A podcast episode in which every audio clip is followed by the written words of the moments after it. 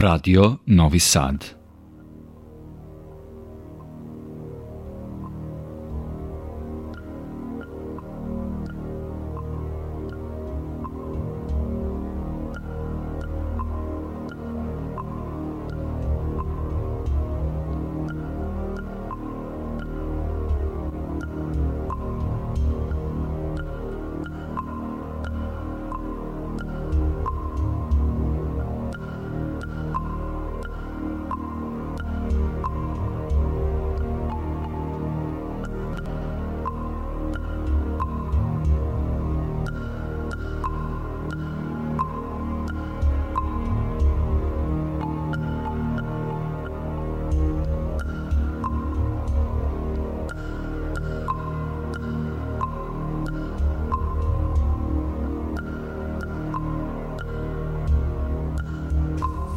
Poštovani slušalci, vi pratite program Radio Novog Sada i emisiju Vox Humana.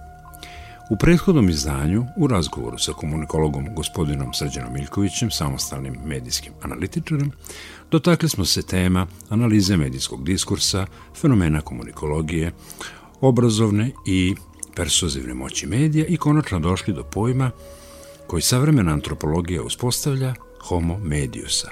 Večeras nastavljamo priču sa gospodinom Miljkovićem.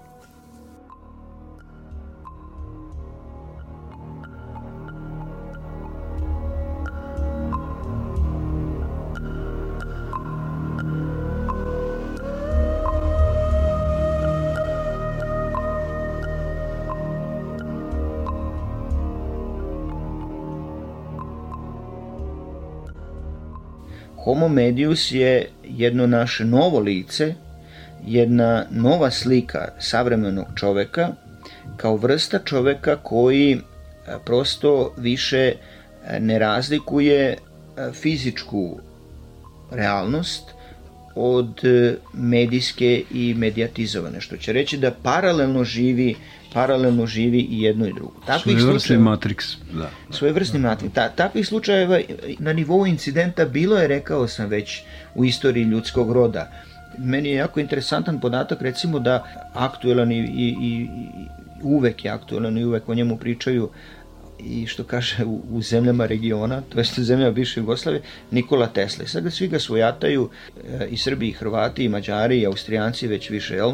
Zato što je značajna istorijska ličnost, planetarni događaj Nikola Tesla. A evo recimo jedan interesantan podatak za Nikolu Teslu. Njegov otac je bio pravoslavni sveštenik i izuzetno obrazovana ličnost. Vladeta Jerotić u, u, u onoj svojoj trotomnoj knjizi e, Darovi naših predaka piše piše o Tesli, ali piše i u njegovom ocu, dakle, ovaj svešteniku Milutinu, koji je bio van serijski i van vremeno obrazovan čovek, kao gospitski paroh, koji je recimo znao svetske klasike na izust. Sveto pismo je znao na pamet. Dakle, čovek koji je ne samo voleo knjigu, nego imao stvarno jedan nadprirodan dar pamćenja pročitanih sadržaja.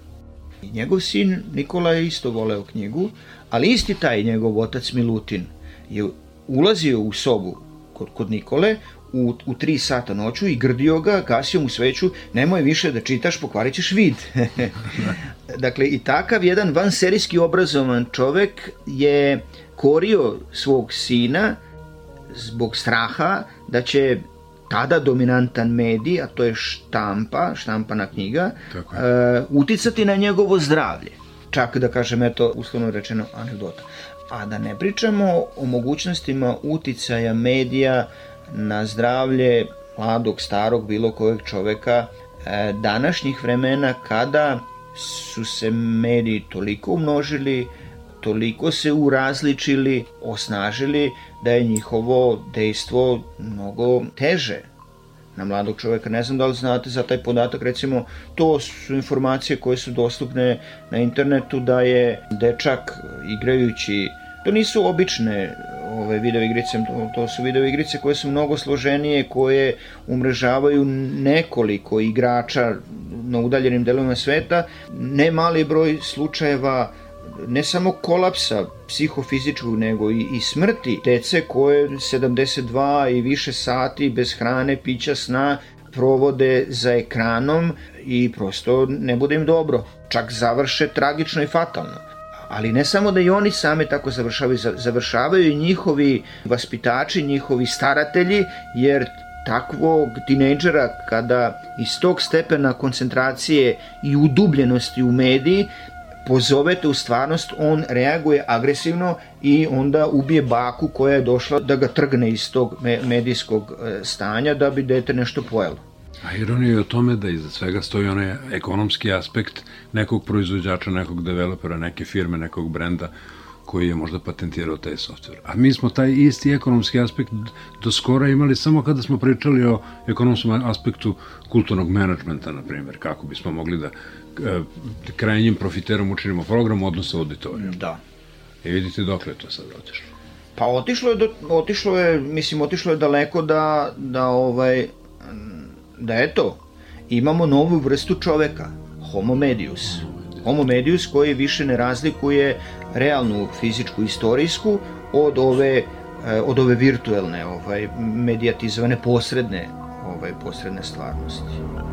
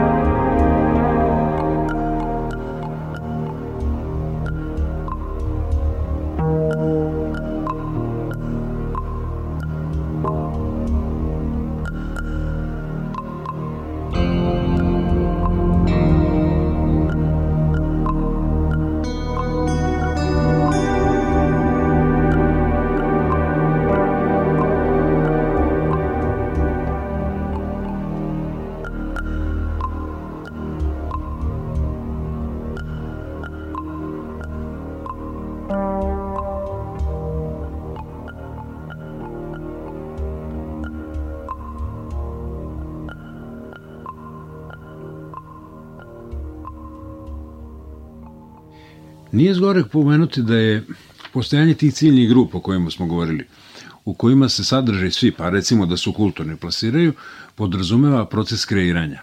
Kao medijski poslanici mi znamo da je artikulisanje kroz medije poseban način kreiranja, može se reći i umetnosti.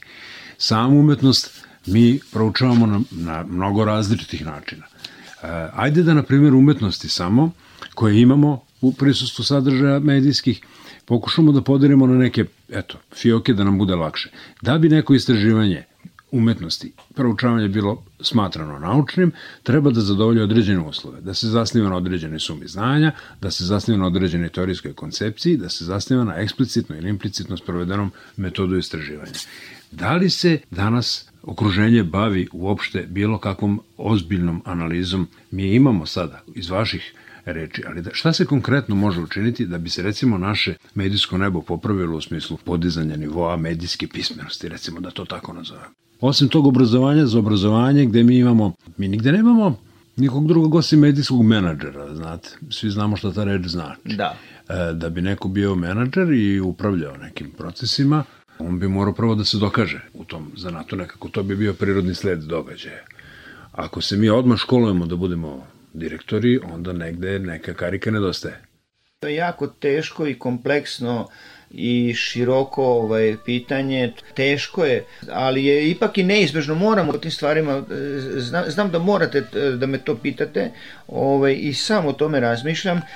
Rizično je da kažem ri, rizično je da, da izjavim da sam pesimista da sam pesimista po tom pitanju Možda da se osvrnete toga... na to kritičko razumevanje moći medija, o tome ste pričali zapravo posle nas ja prekinuo i produktivno korišćenje medijskih sredstava za kreiranje i koncipiranje jasno, jasno, jasno. kvalitetnih ovo, ovo sam prosto još nekako dužan, ovaj, ovo sam još dužan nekako i želim da kažem da recimo e, motivi s kojim mladi ljudi, e, motivi s kojim mladi ljudi upisuju recimo medijske studije, žurnalistiku, komunikologiju, e, pa čak možda neke vidove medijskih studija na Fakultetu dramskih umetnosti su krajnje Ha, mislim nisu krajnje, ali poprilično poražavajući. Naj, najčešći odgovor koji će dobiti od, od mladog studenta šta on želi da bude kad poraste jeste PR. A da pritom ni on sam u potpunosti ni tačno ne zna šta PR jeste. Imam utisak da su jednostavno, da je mlad čovek u dobroj meri opterećen tom vizualnom prezentnošću, bez određene količine sadržaja. Naša kultura a, duboko jeste vizualna. Evo da kažem, čak naša nacionalna kultura duboko jeste, duboko jeste vizualna. Prosto o, obiđite pravoslavnu crkvenu baštinu i mi nalazimo spomenike starosti već od, ne znam, tih živih spomenika ima već od 9. 10. 11. 12. 13. vek, imate koliko god hoćete koji donose artefakte planetarnog značaja i planetarne vrednosti. A, mislim na, na freske ikone. Dobro, pored toga imamo i druge tekovine, imamo recimo ono što se usmenim predavanjem prenosilo, e, dugo se pojanje crkveno koje je poseban vid. Tako je. E, prenosilo ali meni je posebno drugačije. ali meni je posebno interesantno konačno da, da, da izvedem tu snagu vizualnog medija, baš nam je, baš insistiram sad na ovoj liniji. Srpsko slikarstvo s početka 20. veka u međuratnom periodu je kao do duše i kompletna naša umetnost i književnost i stvaralaštvo tog perioda jeste rame uz rame sa evropskim vrednostima.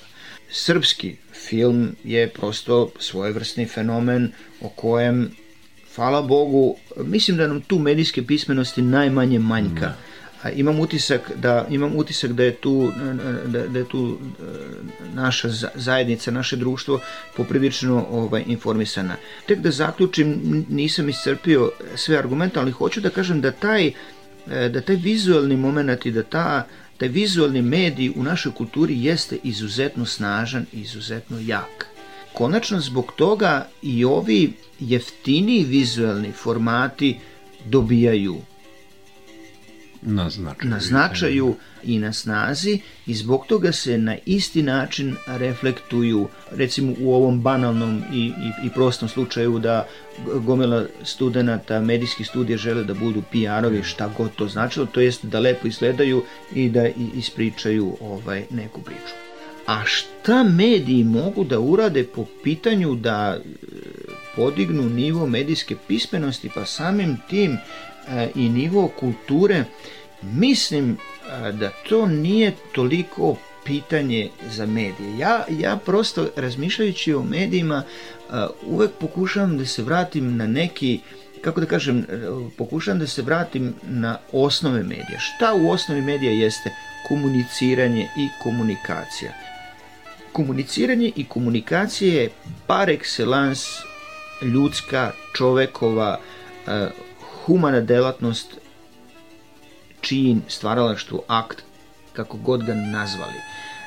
I tu stvari, da kažem, bi možda mogli da tražimo rešenje. Kako čoveka, kako mladog, tako i zrelijeg i starijeg, kako mu osvestiti i objasniti značaj i snagu samog tog čina komunikacije. Ne tako što ćemo mu objasniti šta komunikacija jeste, prosta razmena informacija i poruka.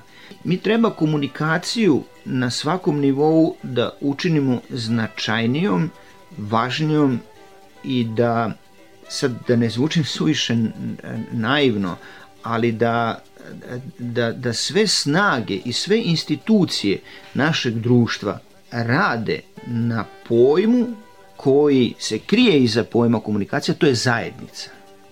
Mislim da naše društvo boluje možda je gruba reč, ali naše društvo, a ne mogu da nađem drugi termin, boluje, imam utisak da zajednica ni ne postoji. Da, to je individualistička antropologija neka na delu, čini mi se. Koja je opet usvojena. To je dobijeno.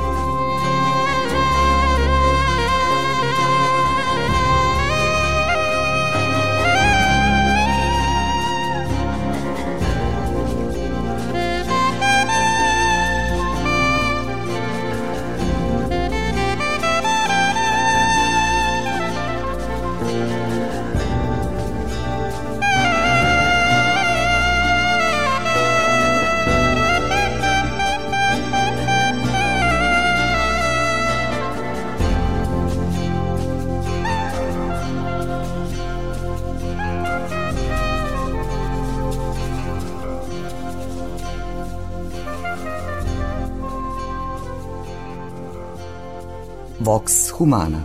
Reality show programi imaju, uh, imaju motiv uh, dosadna sam s njima, ali su, Dobri su ali su to ilustracija. primjeri. Njihov motiv jeste, može biti samo jedan. To je antikomunikacijski aksijom. Antihuman čak, da, da. Samim tim i antihuman. To je razbijanje zajednice. Reality show program razbija zajednicu. On funkcioniše tako što ste do, doveli 20 učesnika, strpali ste ih u jednu prostoriju, dajete im određene zadatke, oni su različitih psiholoških, socijalnih, obrazovnih i drugih profila i oni se međusobno takmiče na taj način da jedni drugi diskvalifikuju. Bez milosti, naravno, da. smanjili više šarma, ali u svakom slučaju poenta jeste da će ostati samo jedan, tako što će eliminisati ove druge, i on će odneti sve. On će odneti i slavu, i novac, i moć. A upravo je intencija prirodna svake zajednice upravo suprotna, da nas bude više Tako je. e, i da budemo složni i da nam bude lepo i da budemo veseli i da se umnožavamo da, um, da umnožavamo e, one događaje, one osobine, e, konačno vrline koje se možda zvuči malo patetično, ali koje se umnožavaju deljenjem. To su, pretpostavljam, zdrave osnove po kojima treba da funkcioniše bilo koja zajednica. Pa čak i ako je, pa čak, pa čak uzmite i interesne zajednice. E, interesantno je da taj antihumani koncept negira još nešto, između ostalog. E, u, u, u nizu i, i velikom broju svojih reperkusija negira i tradiciju. E, odnos tradicionalnog i modernog, jedan od paradoksa kojima se često napaćena javnost razdraživala, bio je taj nepomirljivi susret tradicionalnog modernog. Ne moramo ići dalje od jezika, eto koji je vama blizak. Da. Moderno uvek traga za svojim predstavama po afinitetu, ali kako? Iz dale, davne prošlosti. Klasicizam prezire srednji vek, a ugleda se na Grki i Rimljane. Romantika negire klasicizam. Mm. Kune se u renesansu, u Šekspira i Dante. Za Remboa je važan samo za Baudelaire, a za nadrealiste samo Rembo. I ta težnja ka modernom nužno vodi ka eksperimentu.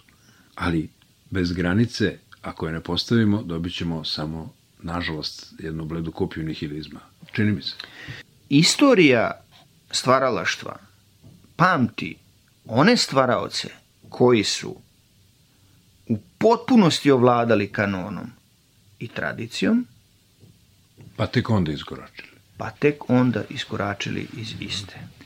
Miloš Crnjanski mogao je da lomi unutrašnju strukturu soneta tek kada je napisao gomile klasičnih soneta.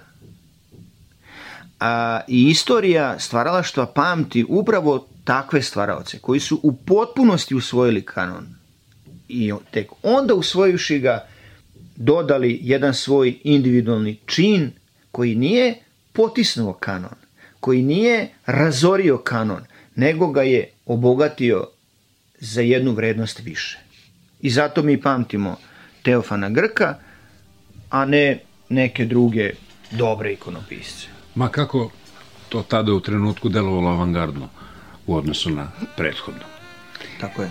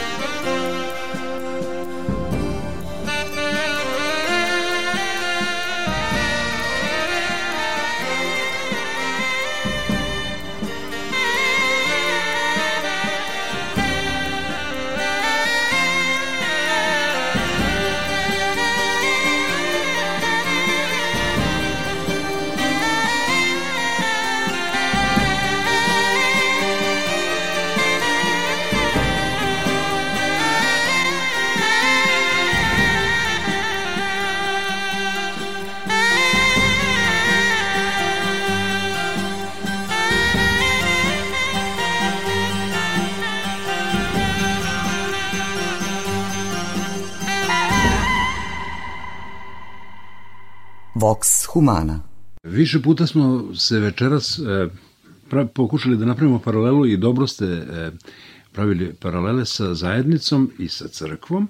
E, meni se nameće ideja da sama crkva, mimo teološkog učenja i bogoslovlja, ima obavezu prisustva u matici života, na samom izvoru života e, antropocentrična. Čovjek je u centru zbivanja. Crkva se ni izdaleka ne bavi samo nekim metafizičkim pitanjima zagrobnog života, kako pojedini misle. E, u tom smislu crkva je prisutna u medijima. Crkva ima elektronske medije. Crkva je prisutna i na programima javnog servisa. Ili javnim, javnom servisu je i zakonom propisano koliko čega treba da ima da bi se zadovoljile potrebe svih populacijnih slojeva. E, ono što je meni interesantno, e, mi se držimo e, definicije da u savremenom društvu religija predstavlja najvažniji faktor E, van državni faktor duhovnosti, ali i jedan autonoman pogled na svet od posebnog istorijskog, civilizacijskog i kulturološkog značaja. Šta mislite kao neko ko se bavi analizom medijskog diskursa? Koliko je crkva prisutna kod nas i da li je prisutna na pravi način? Pa crkva je prisutna u našim medijima, odnosno crkveni sadržaji su prisutni u našim medijima u meri u koliko javni medijski servisi procenjuju da ta vrsta programskih sadržaja obogaćuje njihov program i koliko ti programski sadržaji doprinose onoj njihovoj zakonskoj obavezi da imaju raznolik, izbalansiran program koji treba da zadovolji potrebe svih slojeva društva bez diskriminacije po bilo kojoj osnovi. To je jedna, da kažem, to je jedna zakonska odrednica ja bih se pojmom crkve poslužio u svojim naporima i pokušajima da definišem komunikaciju. I evo reći ću konačno nešto što bi trebalo doći na kraj, dakle iznaću najpre zaključak, a onda ću se polako ovaj, i dovući do tog zaključka.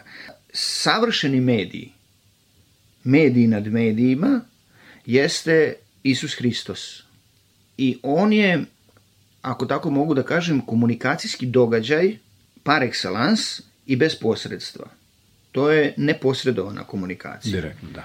Mi živimo u hrišćanskoj civilizaciji, praktikujemo hrišćanstvo ili kao pravoslavni, ili kao katolici, ili kao protestanti na ovom prostoru u kojem živimo. Hrišćanstvo nas uči da je Bog jedan, a da je istovremeno Sveta Trojica – I taj Bog sam po sebi je ustrojen da je on sam u sebi komunikacija. Jer tri lica Svete Trojice se nalaze u stanju savršene komunikacije gde svaki ljubi, voli svakog, dakle nalaze se u stanju savršene ljubavi. I to je komunikacijski fenomen, bez ostatka, savršen. Čovek koji je stvoren po liku i podobi u Božjem, stvoren je, dakle, isto kao biće komunikacije. Ta osobina da je jedan Bog u tri lica, gde svaki svakog ljubi, dakle u stanju savršene ljubavi, ta osobina, tu osobinu nosi čovek. I to je lik Boži u čoveku. I zato sociolozi kažu čovek je društveno biće. Apsolutno. I zato čovek ne može da živi mimo zajednice. To je još ovaj, To nas je još Aristotel naučio. Ko ne može živeti u zajednici ili je čak ne treba, jer je sam sebi dovoljan, taj nije član države i prema tome on je ili zver ili bog. Dakle, čovek može biti ili zver, može biti samo jedan pobednik u reality show programu, ili po blagodati se usavršavati u vrlinama da bi konačno dosegnuo poslednji komunikacijski čin, a to je život u zajednici sa Bogom. Gde je tu mesto crkve? Crkva je mesto u kojoj čovek vežba komunikaciju. Crkva je najkvalitetnija radionica komunikacije. Čovek koji uđe u hram, a crkva je i više od hrama, jer crkva je zajednica, crkva nije samo hram neka bude, evo reći ćemo konkretno, zato što je tu punoća ovaj, događaja koji dođe na liturgiju, on na liturgiji učestvuje sa svim svojim čulima, sa svih svojih pet čula. čulom vida vidi freske ikone kojima je crkva ukrašena, vidi sveštenika, vidi pojice s jedne i s druge strane u pevnicama, vizualno prati ceo događaj i kažemo da su te senzacije najsnažnije, najkvalitetnije i imaju najveći utice na čoveka. To je čulo vida. Čulom sluha naravno čuje šta se dešava, pojanje, sveštenike, pojice, ljude koji isto tako izgovaraju simbol vere, oče naše i tako dalje. A, ulazeći u crkvu, ljudi najčešće, prosto takav je običaj, a, celivaju ikone, krste se i ljube te ikone, dakle, a, aktiviraju i čulo dodira. A, Tamjan? Čulom, tako je, čulom njuha a, udišu a, tamjan i konačno, na kraju liturgije, a, čulom ukusa, dakle ustima, primaju svetu tajnu pričešća. Kad smo govorili o pojmu komunikacije, rekli smo, ove, u Vujakliji to piše u katoličkoj crkvi, to je leksikon iz 62. ili 6. godine, ove, nebitno, komunikat, latinski glagol komunikare ili imenica komunikacija znači i pričestiti se.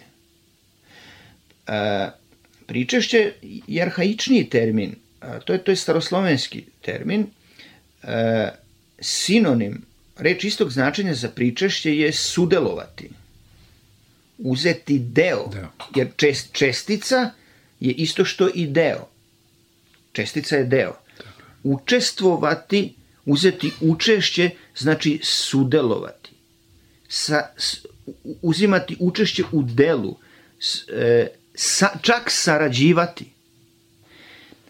uzimajući pričešće, mi uzimamo mi uzimamo telo i krv Hristovu, koju je, jer je blagodaću duha svetoga sveštenik hleb i vino pretvorio u telo i krv Hristovu, koje ulazi u naš organizam, ulazi u naš metabolizam i izgrađuje nas.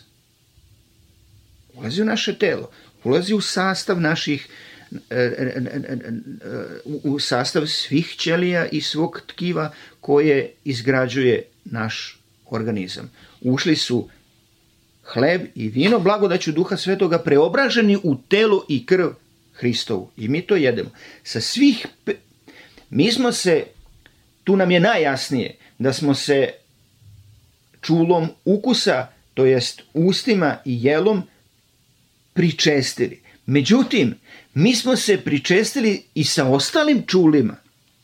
Mi smo se pričestili čulom vida i čulom sluha i čulom dodira i čulom njuha, jer osobina svakog osetila, osobina svakog čula jeste da se pričešćuje.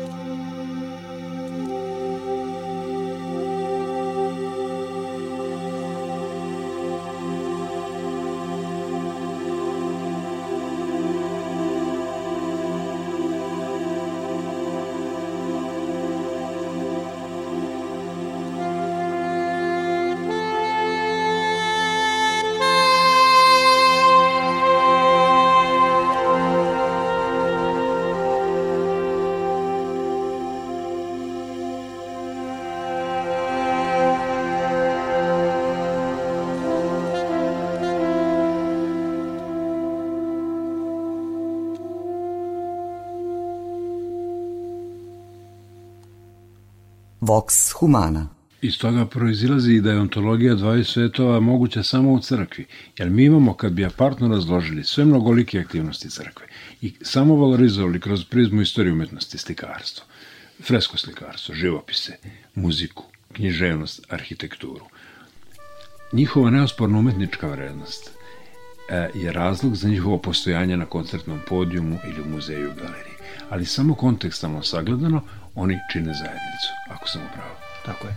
Ali pazite sad još ovaj jedan detalj koji, eto, prosto razmišljajući o komunikaciji kao e, e, misleći komunikaciju kao događaj koji u crkvi se prikazuje u svoj svojoj očiglednosti. Posmatrajmo na komunik posmatrajmo odnosno mislimo komunikaciju i u nekoj drugoj situaciji koja nije da kažemo crkva. Nužno crkveno, da. Šta se dešava, šta se dešava kada čitamo roman ili gledamo film?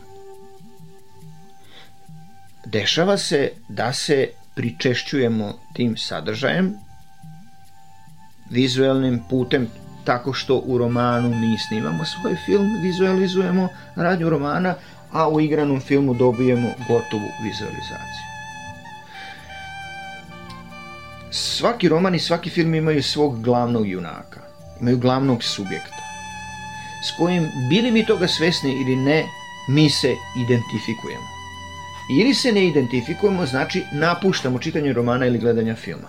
Ali ako smo ostali da čitamo roman ili gledamo film, mi se identifikujemo s njim. To je uslovni refleks, to je instinktivna radnja, to je prosto prirodno, jer zašto?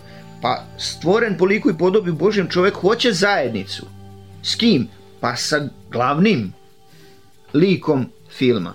I mi zajedno s njim prolazimo njegove mi zajedno s njim prolazimo njegova fizička stradanja, muke i to je snaga toga. Dakle, mi uvek sa glavnim likom proživljavamo njegova ili fizička stradanja ili recimo ako, ako je reč o nekom ozbiljnijem romanu, da li je to idiot ili zločin i kazna ili su to braća Karamaziju, doživljavamo mentalne borbe i ovaj Konflikte, egzistencijalne da. lomove glavnih junaka. Ali mi to proživljamo. I šta se dešava? Mi se hranimo njime. Mi se hranimo tim glavnim junakom. Mi, gledajući njega, mi ga puštamo u naš, u ovom slučaju, mentalni metabolizam, koji isto tako vari na sebi svojstven način te sadržaje i isto tako to glavnog lika ugrađuje u naše biće.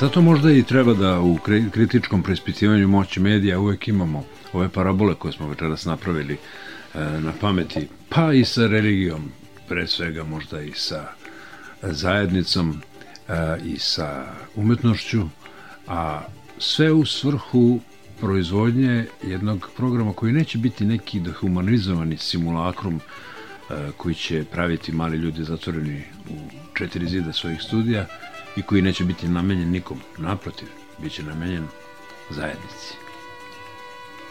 Pa naravno, samo oni sadržaj, samo oni sadržaj koji služe zajednici i koji konstituišu zajednicu i koji tu zajednicu hrane vrednostima, ti sadržaji su poželjni i ti sadržaji su možda odgovor e, na, ono pitanje koje ste mi postavili, koje mi ličilo ovaj, na, na pitanje kulturnog modela kako da se sa, tel, sa medijskim stvaralaštvom postavimo u, u, u kulturnom modelu i kako da na medijsko stvaralaštvo ovaj, bude da bi se kretalo u nekom pravcu koji je civilizacijski ovaj, poželjan, a koji je kako da kažem, na, na drugim osnovnom u odnosu na ovaj individualistički, solipsistički, kojeg propagiraju senzacionalizam, reality show programi i ostalo. To je bilo teško pitanje i ne, nemoguće na njega odgovoriti odmah, bare meni, zato su svi ovi moji iskazi posle toga bili u stvari pokušaj napor i trud da odgovorim da odgovorim na to pitanje, ali rekao sam, inspirišući se lepotom i tragajući za lepotom, svaki oblik stvaralaštva imaće trag. Dobit će ljudski smisao. Podviga, dobit će ljudski smisao. Sređo, mnogo vam hvala što ste se odazvali za učešće u našoj emisiji. Uvijek nam je drago ugostiti vas i nadam se da ćemo nastaviti neki razgovor, možda nekom drugom temom i povodom, ali volao bih vas opet vidjeti u ovom studiju. Još jednom hvala. Hvala vama, zahvaljujem se iz više razloga. Konačno najviše vam, sam vam zahvalan zbog toga što ste mi dali priliku da u javnom prostoru iskažem, pa mogao bih slobodno reći, neka svoja najintimnija razmišljanja o medijima i o, samom, o, o samoj prirodi ove komunikacije, to prosto još ni na koji drugi način nisam uobličio, tek jedino na ovakav uh, usmeni način, što će opet pokazati koliko je komunikacije i dijalog stvaralački čin. E, radostan sam i srećan zato što ipak je ova vaša emisija nešto što će ostati barem za neko vreme trajni dokument. Tako... Za meta istoriju.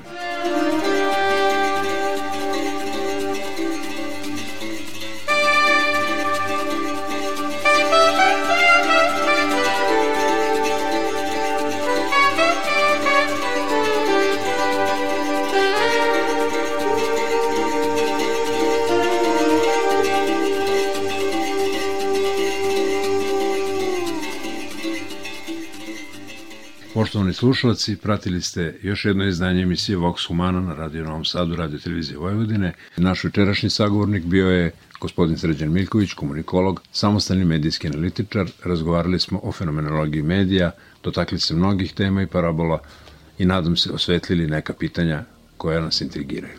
Do sledećeg termina pozdravlja vas ekipa koja je realizovala emisiju, Marica Jung i vaš domaćin autor i voditelj Boško Buta. Hvala vam na pažnju.